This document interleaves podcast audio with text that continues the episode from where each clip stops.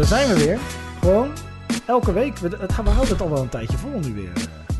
En nu ook tegenover elkaar. We zitten gewoon weer live in dezelfde ruimte. Ik weet niet of mensen dat dan kunnen horen. Of dat... Ik ben wel benieuwd. Als jij dit luistert eh, en je bent een vaste luisteraar, kun jij horen of we bij elkaar zitten of het op afstand doen? Dat ben ik wel benieuwd naar. Of daar een, zou er een verschil in zitten, denk je? D- dat mag kopen. Aangezien we nu in een studio zitten van bijna een miljoen. Ja, hier heb je wel geld in gegooid. Ja, dat is wel, uh, wel te zien. Nee, uh, er ja. staan hier verdorie... De, het is een ruimte van 3 bij 3 en er staan hier 1, 2, 3, 4, 7... 7, 7 tv's, hè? Ja. In, en dat is maar één van de ruimtes die ze hier hebben. Trouwens, wij hadden toch een oproep gedaan of mensen uh, iets wilden uh, achterlaten op iTunes. We hebben ja. weer twee nieuwe gekregen. Dutch Fellow RL. En uh, die zeiden ze... Uh, de Supersonics hadden natuurlijk niet het beste record in het regulieren van de Bulls. Verder leuke podcast. Misschien een tip om de podcast After the Last Dance te beluisteren. Ze benaderen het op hun eigen manier en met nadruk andere vrijheden om missies en hoogtepunten. Groet. RL Amsterdam, dankjewel. Vier sterren van de vijf. Nice. Balen. Uh, toeschouwer aan de keukentafel, Peter van Gelder. Ken je die? Oké, ik ook niet. Heerlijk podcast. Het voelt alsof je aan de tafel zit met twee vrienden die net iets meer betrokken zijn bij deze sport dan je er zelf bij bent. Ik hoop dat het wel iets regel regelmatig uitkomt. Nou, Peter, bij deze. Heel mooi, heel mooi, heel nice. Dankjewel jongens. Ja, dat uh, waarderen we altijd enorm. Alle feedback ja. die we krijgen. En ook de mensen op Twitter natuurlijk. Hè? De, Twitter de, vaak, de, ja. vaste, de, de Pascal Vanenburgers van deze, de Martijn Della Haye. Ja, Martijn, als ik je naam verkeerd uitspreek, ja, nou, laat het gewoon vooral ook even weten. Kritiek opnieuw is altijd welkom. Ja, nou, vind ik wel, ja. Uh, zal ik even kijken? Dat is het voordeel. Kijk, normaal heeft Matthijs altijd zijn laptop voor, uh, voor, voor zich. uh, ik ga er droog in vandaag. Ja, naar de mailback. Uh, even kijken. Uh, ja, over, het ging over Scotty Pippen. Um, Sjoerd Post zei dat. Uh, of zit ik nu helemaal door jouw introductie heen? Nee, ga gewoon vooral je gang. Nee, dat, uh, dat, dat mensen nog over Scotty Pippen zeiden. Ik weet niet of we dat hebben besproken al. Of we dat al heel erg hebben besproken. Maar um, dat, uh, dat hij in de documentaire niet goed vanaf kwam. Hebben we dat er wel een beetje We hebben het wel over gehad uh, toen hij op een gegeven moment zelf reactie gaf... dat hij zelf ook niet blij was met zijn, uh, zijn documentaire. Maar wij hebben toen... ik kwam van de week, dat heb ik nog naar jou en Bart Vriends getwitterd... Ja. Een, een, stuk tegen... ehm, waarin teamgenoten zich uitspraken over Scottie Pippen. En zij noemden hem een fantastische teamgenoot... die altijd voor ze klaar stond. De tegenpol van Michael Jordan. En ik Ja. heb dus ook naar jou en Bart ik weet niet of ik Bart mag zeggen, maar Bart, uh, getwitterd van misschien is dat wel de reden waarom de stijl van Michael Jordan werkte. Omdat er ook een Scottie Pippen in het Ja, team zat juist. die... Um, uh, zou je even je geluid uit willen zetten, Neil? Lijkt wel of ik echt die- populair ben. die, uh, die, die zeg maar kon de good cop, bad cop kon spelen. Ja. En, en waarbij Pippen en Jordan elkaar uh, blind vertrouwden. Dus dat dat werkte, zeg maar. Dat, dat Jordan zich niet genaaid voelde als Pippen uh, mensen ging troosten. Want dat, dat zou er natuurlijk ook nog eens ingezeten kunnen hebben. Ja, Uh, en dan is inderdaad... uh, De stijl van Jordan staat natuurlijk niet op zich. Hij is daar niet, dat bedacht ik me daarna. Hij is natuurlijk niet de enige in dat team met een grote stem. Rodman bepaalde veel in het tweede Ja. gedeelte. Jackson is natuurlijk een hele belangrijke stem. Pippen is een belangrijke stem. En, en zo heeft iedereen een rol in dat, in dat team. En, en kan Michael Jordan doen wat hij doet en zo psychopathisch zijn in, in zijn eisen die hij stelt. Omdat er altijd een Scottie Pippen is die een doekje voor het bloeden heeft voor Ja. je als het uh, misging. Trouwens, Pascal Teunis had ook nog even een comment over de vorige aflevering. Ehm, en dat ging over eh, ja, het verhaal over de vaders die Ja, gestorven zijn. Die vermoord zijn eigenlijk allebei, van Kerr en van Jordan.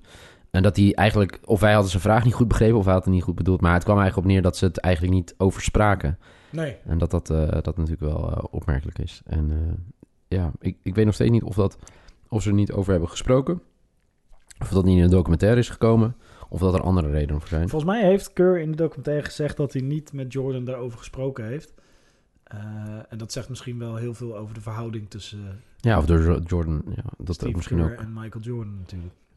Ehm, deze aflevering. Ja, dit wordt een, een leuke aflevering uh, waarin we... uh, ook op aanvraag van mensen. hè? Op aanvraag van mensen, maar we gaan... uh, we, we, hebben al een paar keer genoemd dat The Last Dance een fantastisch tien uur durende docu is, maar dat het jammer is of vreemd dat er niet op enige manier in verwerkt is dat hij na The Last Dance nog twee seizoenen heeft gespeeld. In 2001, 2002 en 2002, 2003 speelde Michael Jordan bij de Washington Wizards, waar hij het Ja. seizoen daarvoor eh, minority aandeelhouder Ja, was en ja. technisch directeur, zeg maar, die rol had. Dus zelf verantwoordelijk was voor het rooster. En dit komt nog een paar keer terug, deze podcast. Zelf verantwoordelijk was, mede verantwoordelijk was voor het, eh, het rooster, de, de, de, het team wat er stond. Eh, maar ja, het ging weer kriebelen. Hij, eh, ik heb even wat, wat Kijk, je hebt je huiswerk Ik heb gedaan. hè? huiswerk gedaan. Hij zei, ehm, eh, toen, hij werd, toen hij daar ging spelen, toen hij het bekend maakte, was het was niet de fameuze I'm back fax die hij stuurde toen hij de eerste keer terugkwam Ja. in eh 94, 95. Hij zei, ja, ik heb, ik heb nog steeds jeuk en dat moet ge- daar, moet ik op, moet ik op krabbelen. Ja. Weet je wel? Het is een slechte Engelse parafrase dit. Eh, en ik moet ervoor zorgen dat die jeuk me niet de rest van mijn leven zal achtervolgen. Dus eh, wat nou als ik het zat ben om een beetje huistuin- en keukenbasketbal te spelen... en gewoon weer echt een competitie wil. En, en het is ook na drie seizoenen. Hè? Dus toen had je ineens de generatie van eh Shaquille O'Neal op zijn hoogtepunt. Kobe Bryant, die eh, een grote ster was. Kevin Garnett, weet je, Ja. allemaal jonge gasten. eh, Tracy McGrady. Jonge gasten die, eh, toen jonge gasten die... eh, nou ja, toch ook, waar ook over gesproken werd... wie van die gasten is de next Jordan? En... ehm, eh, eh, en Jordan eindigt die, eh, die persconferentie met... I'm just going to play the game of basketball that I love. I'm not about the money. I don't care if I get paid a dime. I'm going to play the game because I love it. Ja, wat, allereerst, ben je, ben je blij dat als je ziet hoe we The Last Dance hebben bekeken, hoe die eigenlijk stopt op het hoogpunt, winnen van de titel, zijn zesde titel, ehm, dat hij dan terugkeert? Het- Volgens mij zijn er twee manieren om dit te... Puur persoonlijk Ja. zeg ik... We all love a good story.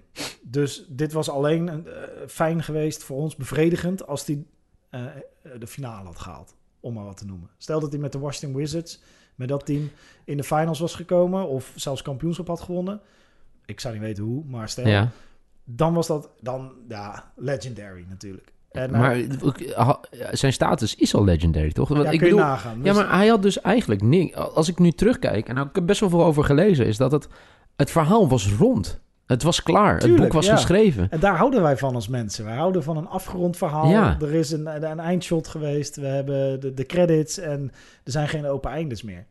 Dat vinden we prettig. Dus dat, het, het, het, het stoort onze behoefte aan goede narratives. En dus zeggen we, wat een slecht idee. Maar als je het bekijkt vanuit hemzelf, ik hou ook, ik ben fucking 39. Ik word volgend seizoen 40 en ik sta nog gewoon een paar keer per week te sporten, omdat ik volgend jaar ook weer relevant wil zijn op een basketbalveld eh, onder knuppelniveau eh, Nederlandse competitie.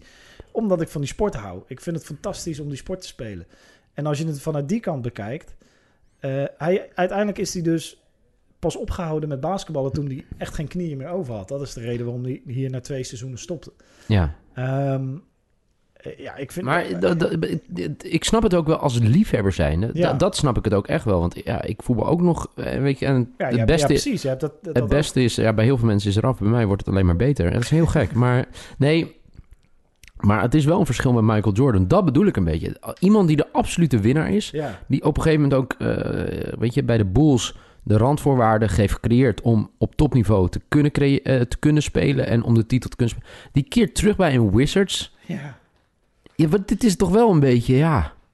Ja, Wat- dit, is ehm, een, Wizards ook toen een slecht geleid team midden in een wederopbouw. ja. ehm, die hierdoor ook flink verstoord werd. En eigenlijk sindsdien, behalve heel kort met Gil, Gilbert, Gilbert Arenas later eh, nog even goed kwam. Maar eh, John Wall en Ja. Nu, maar nog steeds een slecht geleide organisatie. Altijd, toch? Beetje à la de Knicks, ja. Ja. Eh, Wes Unfeld is deze week overleden. Een van de legendarische Washington Bullets, moet ik dan zeggen. Ja. Nog bij het kampioenschapsteam gespeeld in de jaren 70, 80. Ehm, ja, nee, kijk, aan alles weet ik, ik. Ik wil graag zeggen ook dat het niet klopt, maar ik snap het als... Jij snapt het ook als sporter, snap je het vanuit hem. Eh, eh, en dat je op een gegeven moment ook gewoon... Maar waarom, waarom ga je dan niet bij een team spelen waar je het nog had- wel had gekund? Ik denk omdat dit de, de easiest... eh, Ja, maar dat, snap je wat ik bedoel? Dat is dus dat wat ik niet snap. Weet je, aan alles wat ik dan lees, denk ik, je mist het. Maar wat je ook mist is, zeg maar, het gevoel, los van basketbal, winnen.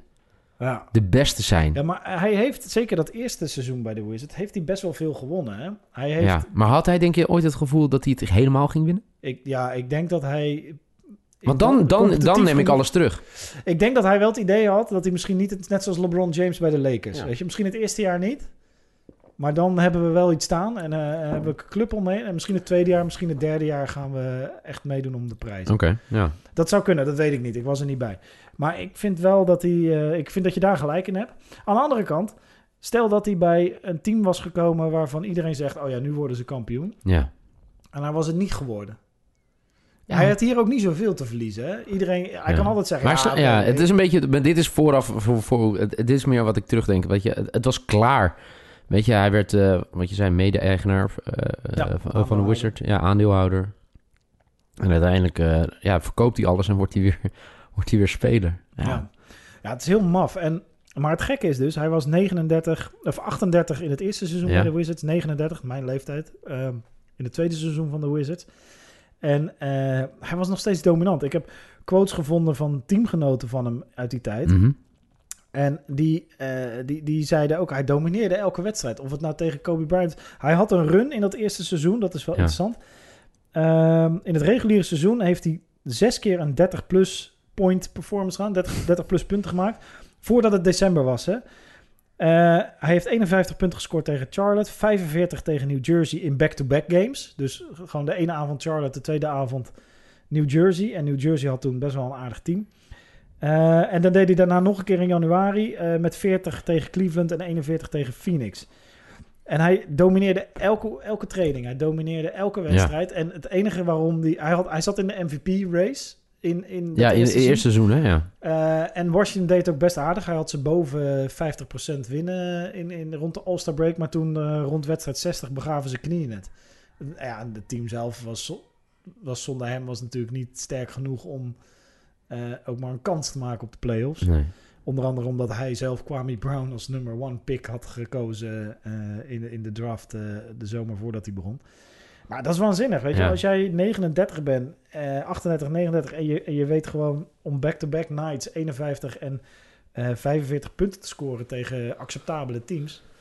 Ja, ja, ja, wat ik het mooi aan vind, eh, dus eh, zijn vorm was oké, maar ook gewoon zijn teamgenoot op dat moment.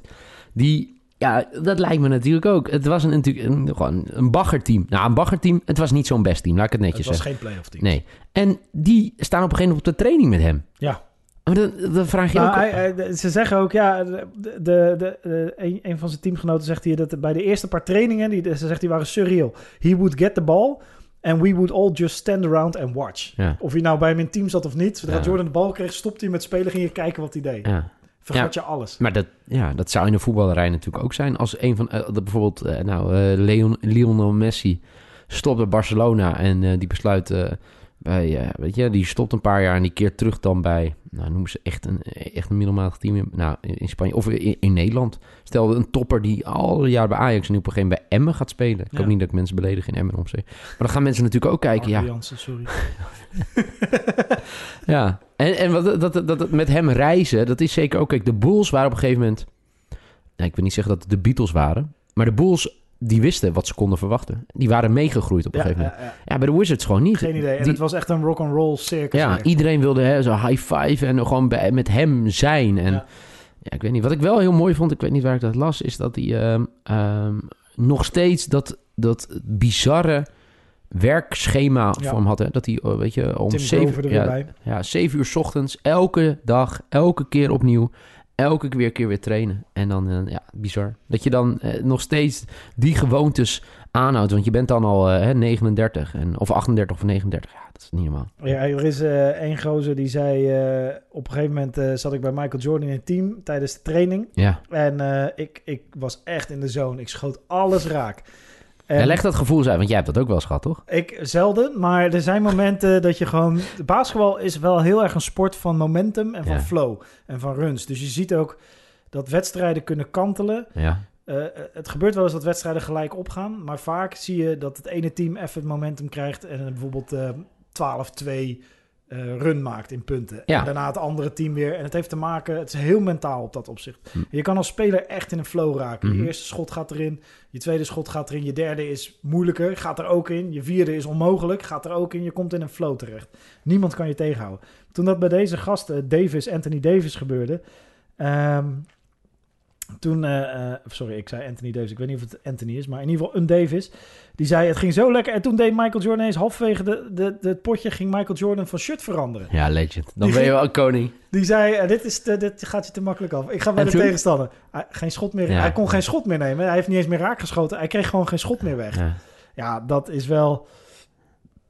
Het maakte hem niet uit of hij een trainingspotje speelde of een Game 7. Want eh basketbaltechnisch, hè, Scottie Pippen was natuurlijk een betere verdediger. Hè? Ja. Eh, maar als je naar Jordan, de, de basketballer kijkt...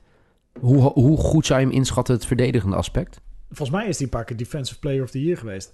Hij was... ehm, Maar hij was aanvallend wel, eh, voor mij als leek, hè? Als niet basketballer. Was die aanvallend beter dan verdedigend? Nee, volgens mij, ja, het valt meer op. Hij was Ja, dat offensief. bedoel ik, ja, ja. offensief is natuurlijk waanzinnig. Maar wat, wat hij heel goed kan, en dat zijn een aantal, daarom zijn dat bekende namen. Larry Bird had dat ook. Magic.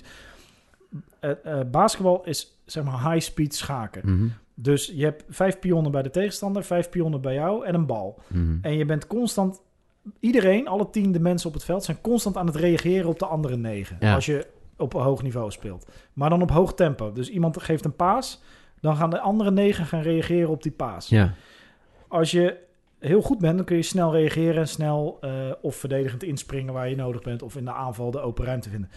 Als je een megaster bent, zoals LeBron James, Jordan, dan kun je zeg maar vijf, zes stappen vooruit. ja, is-.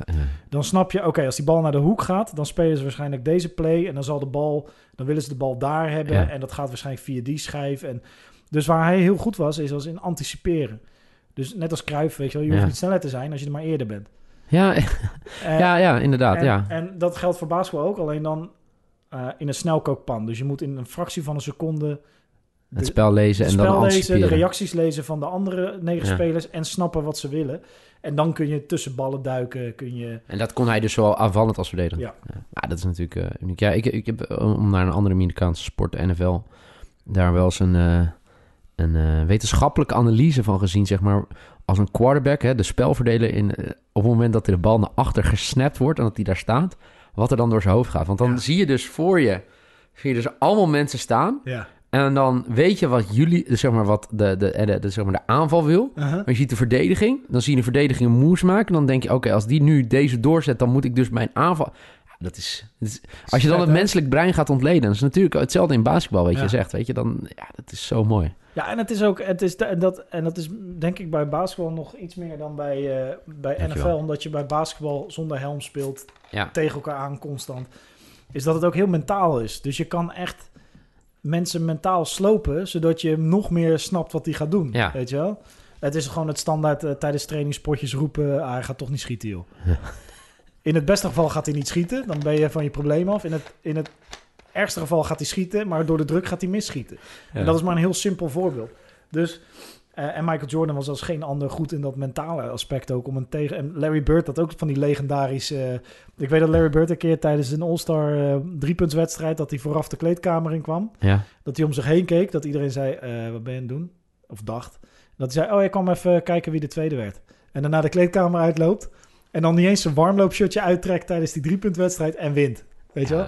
Die had wedstrijden waarbij hij gewoon op een gegeven moment, daar hebben we het ook over gehad, dat hij eh, alleen nog maar met links ging schieten, omdat hij een extra uitdaging voor zichzelf had. Nou, Michael Jordan zat ook op dat niveau, alleen iets minder speels dan Larry Bird daarin, maar gewoon, eh, ja, gewoon een, een moordenaar. Eh, aanvallend, verdedigend en mentaal. Ja, Ja. Dat, dat is waarom die... Wat, wat ook wel mooi is, dat hij best wel op leeftijd is. En dan komen er zeg maar de, de, de, ehm, de Kobe's, Mhm. de grote, die, waar die natuurlijk al in, in was voor mij in aflevering 8 of 7 een keer al voorbij hebben zien komen natuurlijk in eh, de All-Star Game. Ja, Eh, maar dat dat natuurlijk wel door de media toen ook wel werd gehyped, hè? Hè, kunnen de jonge honden jou aan, weet je? Ja, en dat ja, hij ja. zegt, ja, zij kijken naar uit. Maar wat denk je van mij? Ik kijk er ook naar uit. Laat het maar gebeuren. Ja, ik vind dat wel echt... eh, ja vet hè. Gewoon geen enkele competitie uit de weg gaan. En ehm, je niet laten beperken door leeftijd, door Nee. fitheid, maar daar gewoon overheen kunnen stijgen als het moet. Inderdaad, teamgenoten die ook zeggen, dat maakt niet uit. Wij, wij hadden echt een kutteam, ook teamgenoten zeggen dat. Maar er Ja. was geen wedstrijd waarin hij niet de beste speler op het veld was. ja. Ongeacht de Kevin Garnett's en de Kobe Bryant's. En, eh, in het tweede jaar had hij misschien een nog slechter team. Ja. En eh, eh, daar heeft hij drie keer meer dan 40 punten gescoord in dat seizoen. Hij was de eerste 40-jarige in de geschiedenis van de league. Misschien LeBron James binnenkort ook. Die eh 40 plus punten scoorde in een game. Hij heeft alle 32 wedstrijden gespeeld. En wat ik fascinerend vond, het gemiddelde aantal punten van hem in het seizoen, eh eerste seizoen Wizards was 22,9. Mhm. En in het tweede seizoen was het 20,0. En daarmee komt zijn carrière gemiddelde in punten komt op 30,1. Dus die seizoenen waren gewoon goed genoeg om te zorgen dat ze gemiddelde niet onder de 30 punten per Ja, wedstrijd kwam. ja. Ja, aanvallend dan. En eh, hij had ook nog iets van zes rebounds per wedstrijd. Maar eh, ja, dat tweede seizoen waren ze, eh, waren ze knieën wel een beetje klaar. Dus eh, ja, ik vind dat... ik, ik, ik zag, als ik kijk naar zijn statistieken, dan zijn zijn rebounds zijn niet afgenomen. Maar wat, wat, wat blijft jou het meest hangen van die periode voor jou?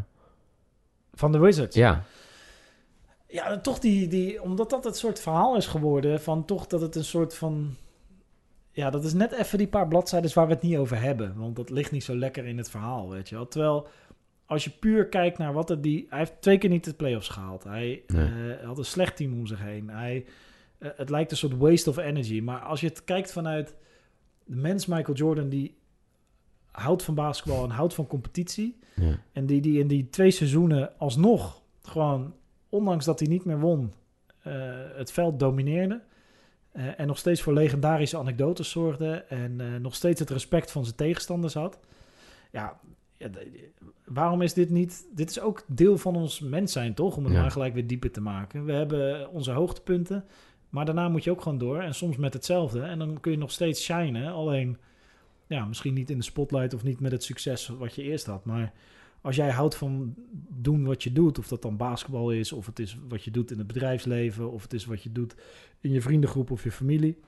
eh he don't care, weet je wel. Als ik Ja. maar gewoon elke dag weer op dat veld kan stappen en eh, mijn- mijn mijn beste ik kan laten proberen te zien. ja. Ja, dan, dan is het gewoon een waanzinnige twee jaar. Ja. ja, nee, ja, dat is ook zo. En weet je, tere- terecht ook eigenlijk wat je nu zegt. Want ik keek er natuurlijk aan van echt de GOAT, weet je. Altijd willen winnen en eh, dat soort dingen. Het enige wat ik dan wel heb, weet je, als je dan terugkijkt. Hij was hiervoor, zat hij in het management, hè. Deed hij, Ja. technisch directeur.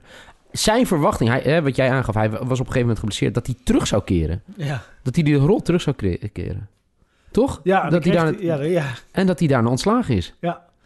Zei ze, nou, dankjewel voor je diensten. Ja, En, heb, je die, ik heb die anekdote gelezen hoe dat gesprek... Oh, dat dat, exit, dat, niet... Dat eh, exit-gesprek is echt legendarisch.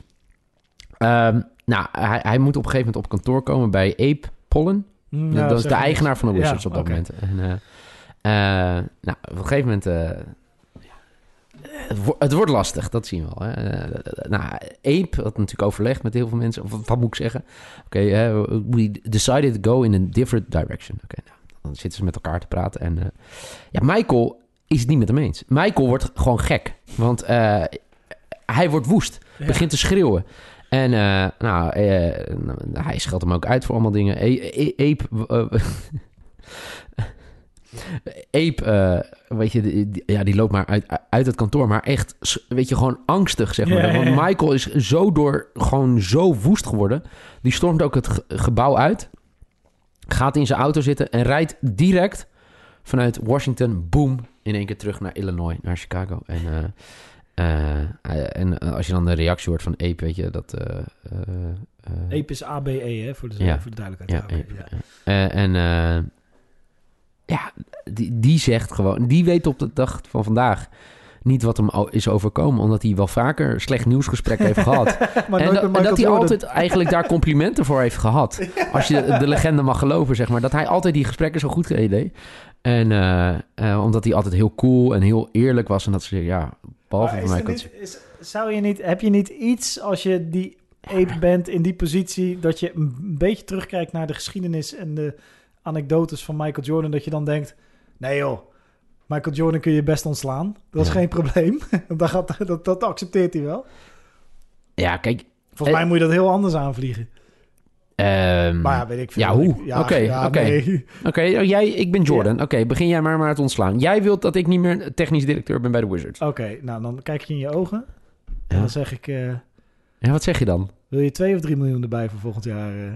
Ja. ik ga je toch niet ontslaan? Je bent fucking Nee. Michael Jordan. Maar aan de andere kant, eh, hij was niet zo'n hele goede GM natuurlijk. Dus eh, Ja, het ging ook niet zo goed, want hij had niet zo'n goede keuze gemaakt. Hij heeft toch wel Paul Gasol laten lopen toen? Hij had meerdere slechte keuzes Ja, gemaakt. toch? Ja, ja, ja. voor mij, absoluut. Paul Gasol Nou, blijft... Paul Gasol is nog zo'n verhaal van, ja goed, hoeveel vertrouwen was er in Europese centers, Tuurlijk, weet je. maar- En het is nu makkelijk lullen achteraf. Dat maar, is ook wel maar, zo. eh, eh, nee, hij had ook keuzes gemaakt die Kwame Brown als eerste pick. Dat zag iedereen toen ook wel, dat ze dachten, nou ja, soort Anthony Bennett verhaal. Ja, ja. Die een paar jaar geleden door de Cavaliers werd gekozen. Ja.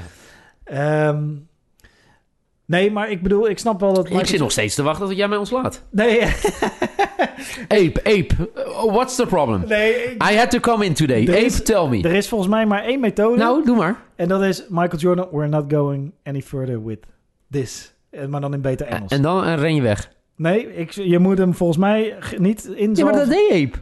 We're going in a different direction. Dat zegt hij. Oké, nee, Ape had niet weg moeten rennen. Hij had gewoon moeten zeggen... eh Oké, maar hoe... hoe Oké, want ik... Niks, je moet hem laten uitrazen. Kijk, ik, ik ben, ik, wij zijn ongeveer dezelfde lengte. Maar Ma- Michael Jordan Ja. is... Ik weet niet hoe groot die ape eruit was... maar Michael Jordan is natuurlijk echt heel groot en heel sterk. En die en een ogen... fucking legend. Ja. Ja. En die gele ogen. Nee, maar ik denk dat de enige manier is om, om die situatie enigszins mentaal uit te komen... is hem gewoon zeggen... eh, gewoon ontslaan. Gewoon het eerste wat je zegt, Michael Jordan, dit was het. We gaan niet met je verder. I have good news en bad news. Nee, dit is hem. Slecht. En dan stil zijn. En dan gewoon wachten tot hij... Gewoon niks meer zeggen. Gewoon Ja. niet meer reageren. Want hij Misschien had Ape ook geen ballen.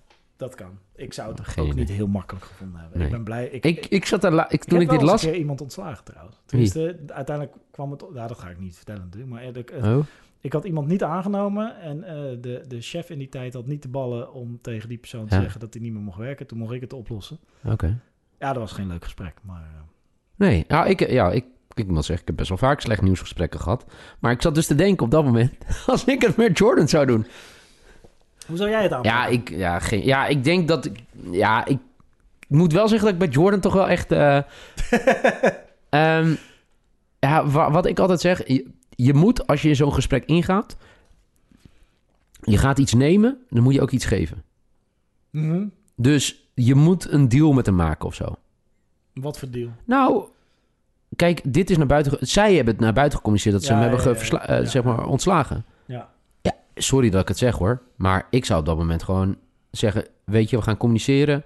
Dat, eh, dat jij, hè, jij, jij, jij... Weet ik veel. Alle. Weet je, ja, mij boeit het niet. Want ik heb dan een nieuwe technisch directeur. En dan, oké, mijn ego als eigenaar van de Wizards, prima. Ja. En weet je, natuurlijk zitten allemaal communicatiestrategen nu te luisteren naar deze podcast. Nee, je moet altijd het eerlijke verhaal en dat soort dingen. Ja, maar je hebt het wel over de GOAT. Weet je?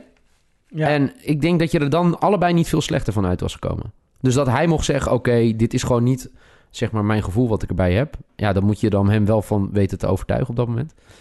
Goed, jeetje. Ja, de, de- de- en eigenlijk, dus hij heeft twee jaren wel goed gebasketbald, maar het is wel echt een enorme deceptie geworden. Eh, afhankelijk van je... Nee, ja. van zo'n Wizards hele ding, hè? Oh ja, ja, ja. je Dat- koopt aandelen, je gaat toch weer spelen en dan denk je, oké, ik ga weer Het voelt werken. een beetje als weet je, zo dat je hele goede vrienden bent met een meisje en dan op een gegeven moment, of met een jongen, dat- afhankelijk van je voorkeur. En dat je dan de vriendschap omzet in een relatie, dat het twee jaar fantastisch is en dat het dan toch niet werkt.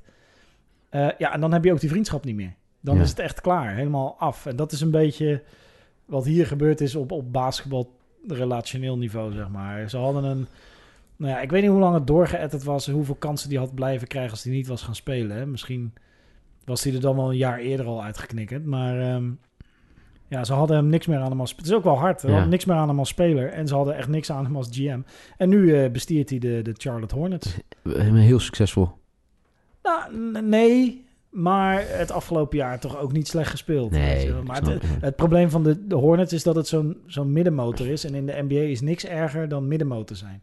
Je kan beter tanken en dan Ja. opbouwen voor de toekomst. Het is niet, het is niet, het is niet, eh, het is niet wit, het is niet zwart, Nee, het, is, grijs. Ja, je haalt net wel net niet de play-offs Ja. elk jaar. En dan word je afgeserveerd in ronde 1, misschien ronde 2. Maar je hebt ook Ja. geen nieuw talent. of Dat niet. snap ik. Het, is niet iets om heel ent- ent- enthousiast van te worden. Dat is jammer, want van Michael Jordan worden we Ja. toch altijd wel heel Vraag ook, hè, ook hier bij de Afkikker redactie. Hè, De podcast, of de serie zit er nog op. Hoeveel podcasts ga je nog maken over Michael Jordan en wat gaan jullie erna doen? Nou, er zijn eh, denk ik verschillende routes die we kunnen bewandelen. Je gaat me nu ontslaan. Eh, in jouw eigen kantoor, ja. Niel, ik ga de andere kant op met deze podcast. Ik ga even nieuw ontslaan in zijn eigen kantoor. Henk Norel, kom maar binnen. Nou, nou, als ik ooit aan de kant moet voor Henk Norel. Henk Norel, die wil ik al een keer bij ons in de podcast. Henk is zo lief, man. En eh, ja, nou, de- Ja, we, gaan, we, ja, gaan, ja. we gaan hem binnenkort... Ik ga hem, as we speak, nu een bericht sturen. En ik Noorden. Graag. Henk moet in de podcast. Ja. We gaan een keer met Henk Norel podcasten. Eh, nou, dat soort dingen. Ik denk dat we... Kijk, de- dat is trouwens... Daar hebben we het nog helemaal niet over gehad. Maar vanaf 31 juli begint de NBA gewoon Ja, weer, ga- nemen dit nog even wel even mee. Toch? Zeker. Wa- wat het idee is dat zij nu eh, willen eigenlijk. Eh, ze gaan een, eh, een, een, een soort mini-regulier seizoen spelen van zes of acht wedstrijden per team. En daar gaan 22 teams aan meedoen. Dus niet alle teams, 10 eh, 10 teams vallen af. Ja. Iedereen die op vier wedstrijden van de, de playoffs afstaat, die mag nog meedoen. Dat betekent dat er uit het oosten 9 teams meedoen en uit het westen 13. Ja. Ehm, dus de Phoenix Suns zitten er bijvoorbeeld nog in. En dan gaan ze spelen voor de playoffs. En, eh, ja, en dat zal dan in de zomer. Dus we hebben de hele zomer NBA basketbal. Ja, tot met eh, oktober, als het goed is. Ja. Vanuit Orlando. Dus ze zitten allemaal... Ja, in de zo- Disney World, toch? In, eh, in een grote, enorm grote sportcampus. Ja. En zijn ehm, daarin wel verantwoordelijk voor zorgen dat ze en niet ziek worden en zichzelf regelmatig laten testen, et cetera. Ja. Ehm, ja, dat is natuurlijk eh, hoe je het ook bent of verkeerd. Jij, jij als voetbalfan bent denk ik ook blij dat er weer gewoon, hoe- nou, hoe je het bent of verkeerd, dat er in ieder geval weer voetbal Zeker. te zien is. Ja. En ehm, dat geldt voor de NBA ook. Dus ik denk dat we sowieso daarover gaan praten. En eh, net als vorig, eh, of twee jaar geleden eigenlijk in de zomer... dat we inderdaad zulke afleveringen gaan maken met Henk Norel... met andere mensen die Ja. misschien een bepaalde invalshoek hebben in de NBA.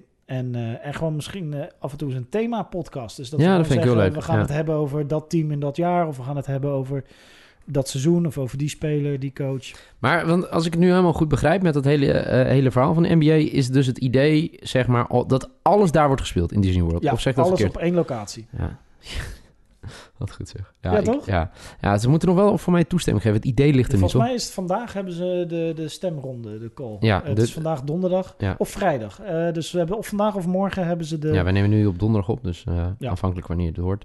Ja, het is wel... ja, ja, donderdag half één 's middags. Dus dat is... Eastern Time waarschijnlijk. Ja, dus ja, ze moesten natuurlijk iets maken. En als je nou afvraagt hè, waarom 13 Western en 9 Eastern, dat heeft te maken met de top 8 van beide kanten, toch? Als ik het goed zeg. En dan nog. Plus de- iedereen die max vier wedstrijden ervan afstaat. Nee, ja, is dat zo? Ja, Oh, zo heb ik het begrepen. Dus als je nog zeg maar binnen vier winstwedstrijden van de achtste positie staat, dan mag je meedoen. Dus dat betekent dat in de East meer teams Oh ja, nee, ja, nee, oké. De top 16, de top 16 in de Eastern and Western Conferences will be joined by teams currently within six games Oh ja, of eight plays in the two conferences. Uh, the play-in tournament will include de nummer 8 en... Ja, oh, jeetje. Oké. ehm, ja, dit is wel leuk. We kunnen het ook over echt basketbal hebben. Maar dit is dus in juli, als ik het goed zeg. Ja, over twee maanden. Twee maanden. Dus we, hebben, we- we gaan nu proberen... Ja, ik heb het niet overlegd. Maar om elke, elke, elke week een dat podcast te doen. En eh, drop even wat jullie willen horen. Ja, eh, we kunnen gewoon speciale thema-uitzendingen maken. Juist. Eh, en we, we kunnen gasten naar binnen vliegen en daarmee praten over basketbal. Heel goed. Dus eh, alleen maar leuk. Kijk, hoe meer we over basketbal kunnen praten, eh, hoe beter. Heel mooi. Daar worden we blij van. Oké. Dank jullie wel. Ook tof om zo eens in de, de... Dit vond ik leuk, om een keer een leuke exercitie... om eens in de... In, nou, in dit geval de Wizard Years van Jordan te duiken. Ja, dank ook voor jullie input daarvoor, toch? Ja, 100%. En... eh Ja, drop jullie comments. eh, Et cetera. Laat weten wat je ervan vindt. recensies, vijf sterren, niet vier sterren. En laat ook Daar even slaat. Matthijs heel slecht van. Ja, laat even weten hoe jij Matthijs zou, laten, eh, zou ontslaan. Ja, of Michael Jordan. Een van de twee. Ja, heel goed. Oké, in ieder geval bedankt voor het luisteren en tot volgende week. Tot volgende week.